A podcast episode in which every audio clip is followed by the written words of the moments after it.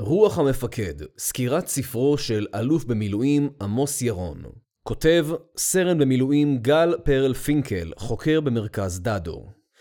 בשנים האחרונות פרסמו שורה של קצינים בכירים ספרי זיכרונות, בין אלו ניתן למנות את אליעזר שקדי, עמוס גלעד, מתן וילנאי וגיורא איילנד, שכתב ספר מופת.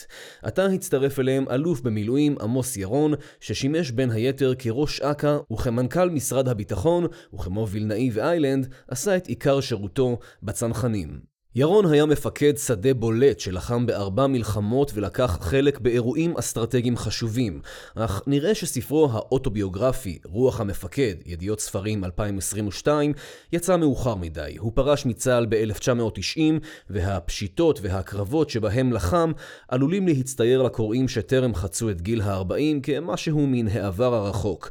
ועדיין, טוב שכתב את סיפור חייו, וזהו סיפור מרתק וכתוב היטב, משום שהוא טומן בחובו שורת תובנות ולקחים רלוונטיים לצה"ל ולמפקדיו. הספר בנוי באופן כרונולוגי מראשית חייו של ירון, בנם של הורים שעלו מפולין בטרם קום המדינה, עבור במסלולו הצבאי, מחייל ועד למטכ"ל, וכלה בעבודתו כמנכ"ל משרד הביטחון. הספר מאפשר לקוראים, בוודאי למפקדים בצבא, ללמוד מניסיונו של מי שלחם בחזית ובעומק בכל רמה, מהטקטית כקצין אג"ם במלחמת ששת הימים, וכמג"ד בפשיטות בלבנון ובמ... במצרים לאסטרטגית כרמ"ח מבצעים וכמפקד אוגדה במלחמה. ירון תיאר בשפה בהירה ובאופן קולח את האתגרים שניצבו בפניו, מימיו כמג"ד שנדרש להניע את פקודיו אל מול האש, ועד לדילמה שנגעה לשאלה האם לתקוף את הכורים הגרעינים בעיראק ובסוריה. הלקח העיקרי שעולה מן הספר נוגע לכך שגם כיום, למרות הקדמה הטכנולוגית, השינויים באופיים של אויביה של ישראל, צבאות הטרור, ובשדה הקרב, נדרש המפקד, כמו ירון בשעתו, לגלות איתנות, יוזמה וחשיבה תחבולנית בכדי לעמוד במשימה ולנצח. מפקד נבחן בביצוע המשימה. ב-1957 התגייס ירון לנחל ועבר קורס מ"כים וקורס קציני חי"ר.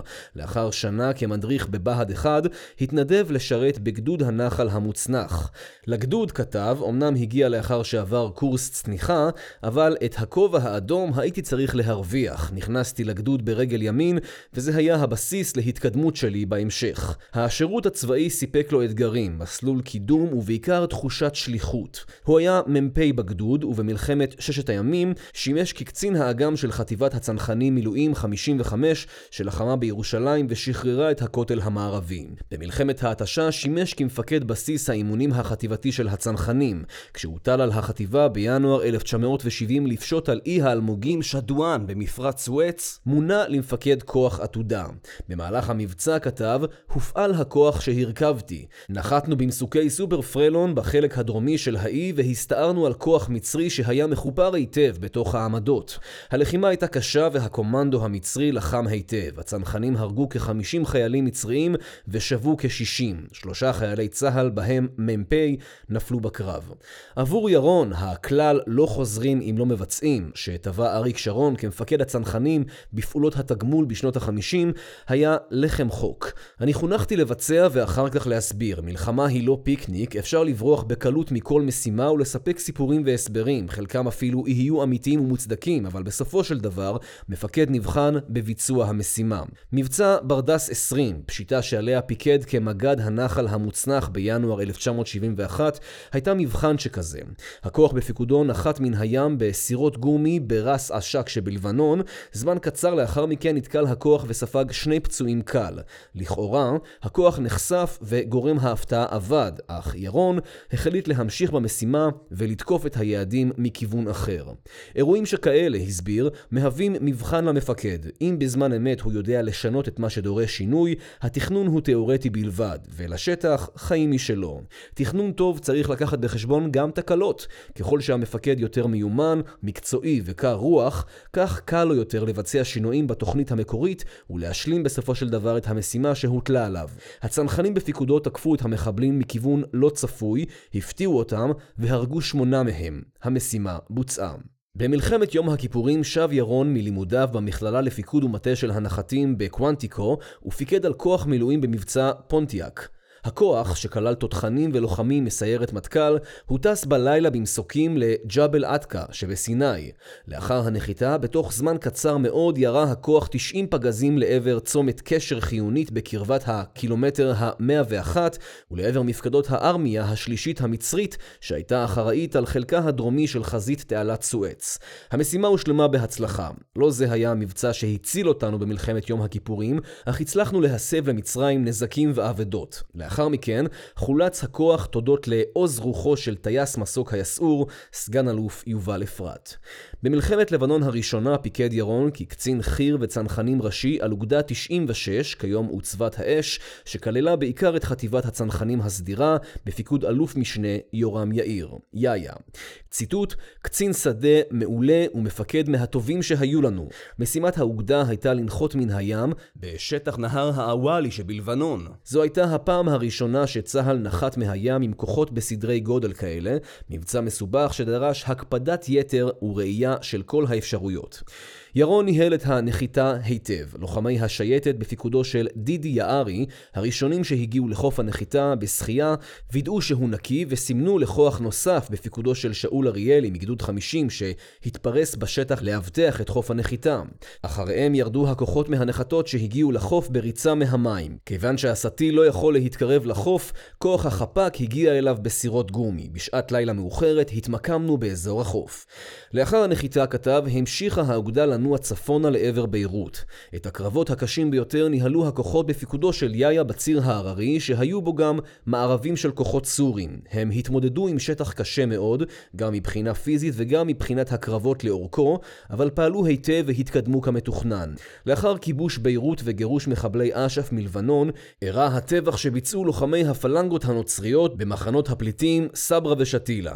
ועדת כהן מצאה את ירון אחראי במידת מה לאירוע, וקבעה כי לא יוכל לשמש בתפקיד פיקודי במשך שלוש שנים.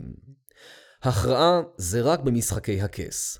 לצד תפקידיו בשדה שימש ירון במגוון תפקידים שבהם עסק בסוגיות אסטרטגיות למדינת ישראל. כך למשל כרמ"ח מבצעים, מה שלימים הפך לרח"ט מבצעים באמ"ץ, לקח ירון חלק בתכנון תקיפת הכור הגרעיני בעיראק. ביום המבצע, ב-7 ביוני 1981, עקב יחד עם הרמטכ"ל רפאל איתן, מפקדו מימיו בצנחנים, ובכירים נוספים, אחר שלבי התקיפה האווירית מהבור בקריה. רפול, ציין, היה רגוע לאורך כל הפעולה, ובכלל זה ברגע שבו בוצעה המשימה והכור הושמד.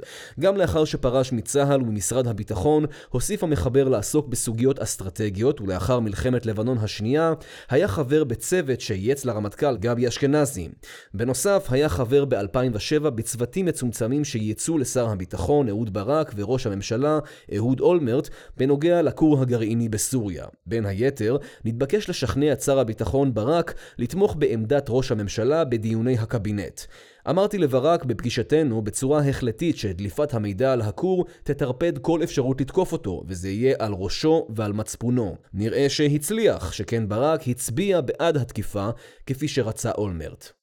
הפרשה הסתיימה בהחלטה מנהיגותית יוצאת דופן של ראש הממשלה אהוד אולמרט ובפעולה מוצלחת ביותר של חיל האוויר. צה"ל בפיקוד הרמטכ"ל אשכנזי הצליח להשמיד את הכור ולהימנע ממלחמה עם סוריה, כמו מספר מצומצם של אישים, יכול גם ירון לציין בסיפוק כי היה מעורב בהשמדת שני כורים גרעיניים. ניסיונו זה הביא את המחבר לגבש שורה של תובנות בכל האמור בביטחונה הלאומי של ישראל. כיום, כתב, תתקשה ישראל להשיג הכרעה מוחצת כנגד אויביה, חיזבאללה וחמאס. כדי להמחיש את דבריו, בחר ירון בדוגמה מקורית. בסדרת הטלוויזיה המופתית משחקי הכס, הכרעה של צד אחד מושגת רק כאשר השליט של הצד השני קורע ברך. אך למעשה, גם אם היו דרקונים, מדינת ישראל ולמעשה אף מדינה בעולם לא מסוגלת כיום להביא את אויביה למצב של קריעת ברך או לכניעה. אמנם, ציין, ניתן היום להשיג הכרעה, אבל רק ברמה הטקטית-אופרטיבית, למשל, כיבוש שטח ונסיגת כוחות האויב. לפיכך, ההישג הנדרש ברמה האסטרטגית-מדינתית הוא לא הכרעת האויב, אלא ניצחון עליו, בנקודות או בנוקאוט. ניצחון בלי תמונת ניצחון. זהו המושג שצריך לקבל את מקומו בתפיסת ההכרעה. השגת ניצחון על אויבינו, בתקווה שמשך הזמן שיעבור עד הסיבוב הבא, יהיה ארוך ככל האפשר, ובהנחה שבמשך הזמן שבין המלחמות ישרור שקט ולא נידרדר למלחמת התשה, שהרי מבחינת מדינת ישראל, התשה שקולה להפסד ולכישלונה של ההרתעה. יש בדברים אלו הדהוד לתפיסתו של ראש הממשלה דוד בן גוריון, לפיה ישראל תידרש לנצח בכל סבב וסבב כנגד אויביה, באופן שיחזק את ההרתעה, ירחיק את המלחמה הבאה, ויאפשר לנצל את ההפוגות בין סבבי העימות לבניין העם והארץ. בן גוריון סבר כי ניתן יהיה להכריע את צבאות האויב באופן שיחזק את ההרתעה, עד שישלימו עם קיומה של מדינת ישראל. על מנת להשיג את הניצחון, הדגיש ירון, דרושים לישראל בעיקר חיל האוויר וצבא יבשה חזקים ומודיעין עדכני ומדויק. לכן שאל, מה תועיל לנו צוללת שישית, אם אין לנו די טנקים ונגמשים מתקדמים, ואם אין לנו כסף לאימון הכוחות? בסוף קבע, הם אלה שיענו בשטח בזמן אמת על השגיאות של מקבלי ההחלטות וטעויות המודיעין. את אלו, ציין לכל אורך הספר, יידרשו להוביל מפקדים נחושים, נועזים ויוזמים. בשל כך, לא פחות מאשר בשל הרצון לתאר את מסלול חייו, הפיקוד הקרבי הוא נושא שבו עסק בספר בהרחבה. המפקד. כאמור, מוטיב חוזר בספר הוא בדידותו של המפקד, חלק בלתי נפרד ממסע חייו ותפקידו. דוגמה לכך היא האופן שבו ניצב כמח"ט הצנחנים ב-1977 בפני דילמה בלתי אפשרית. מסוק יסעור ועליו 54 לוחמים ואנשי צוות אוויר התרסק על צלע הר בבקעה. לא היו ניצולים והוא לבדו נדרש להחליט האם ממשיכים בתרגיל ואם לאו. כעבור רבע שעה החליט ממשיכים. ידעתי גם שהלוחמים כולם בדעתי שגם שגם הם מבינים שזה הדבר הנכון לעשות. שלנו, כצבא ההגנה לישראל, אין את הפריבילגיה להישבר, לעצור, לא למלא את המשימה עד הסוף. זוהי החלטה לא פשוטה, אך כך נוהגים גם בלחימה כשיש נפגעים. ממרום ניסיונו כמי שנדרש לקבל החלטות בשדה הקרב כמג"ד וכמפקד אוגדה, הזהיר ירון מפני השתעבדות למערכות פיקוד ושליטה מתקדמות. מסך לא יכול לתפוס לחלוטין את מקומו של המפקד בשדה הקרב, אלא לשמש לו כלי עזר בלבד. המפה, ההתמצאות בשטח, אך העמידה על ראש הגבעה, שממנה אפשר להשקיף על הלחימה ללא אמצעי תיווך, כל אלה הם עדיין הכלים הטובים ביותר של המפקד. מובן שתהיה זו טעות גדולה לא להיעזר בטכנולוגיה מודרנית, אבל גם במקרה זה החוכמה היא לעשות זאת במינון הנכון, ולא להתפתות להישאר רק מול המסך, הרחק משדה הקרב וזיעת החיילים.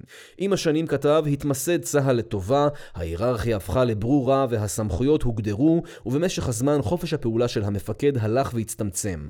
במרחב הקיים עדיין נותר למפקד בכל רמה חופש פעולה כלשהו, אלא שעליו חדר עם השנים המידע שזורם במהירות ואיתו הביקורת והחשש ממנה. היום המפקד צריך להיות אמיץ הרבה יותר ממה שאני הייתי במאי 77, כדי לקבל החלטה עצמאית. צה"ל צריך להקפיד יותר מתמיד על חינוך מפקדים לחופש מחשבה.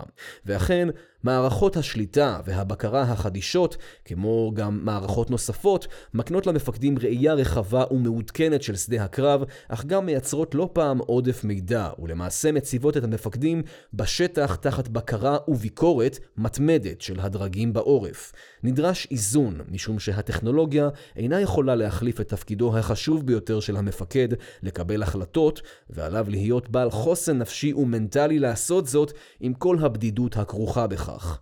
במאמר שפרסם בשעתו כתב אלוף במילואים איילנד שהצבא חייב להיות ער לכך שכדי לנצח בקרב נדרשת יכולת יוזמה ולקיחת סיכונים. לכן הדגיש את הדחף לעשות יותר צריך לתעל ולרסן אך אסור לדכא. האתגר של הפיקוד הבכיר של הצבא הוא לטפח את רוחם העצמאית והיוזמת של מפקדי השדה, מבלי לוותר על השליטה והבקרה שמאפשרת הקדמה הטכנולוגית, כמו גם על המקצועיות והבטיחות. זהו ספרו של מי שהוביל כוחות בשדה הקרב, כמו גם עסק בסוגיות אסטרטגיות מרכזיות, הן בצבא והן מחוצה לו, בתובנותיו על פיקוד, לחימה והביטחון הלאומי, נותרו רלוונטיות לצה"ל ומפקדיו, נוכח אתגרי ההווה هي أتيد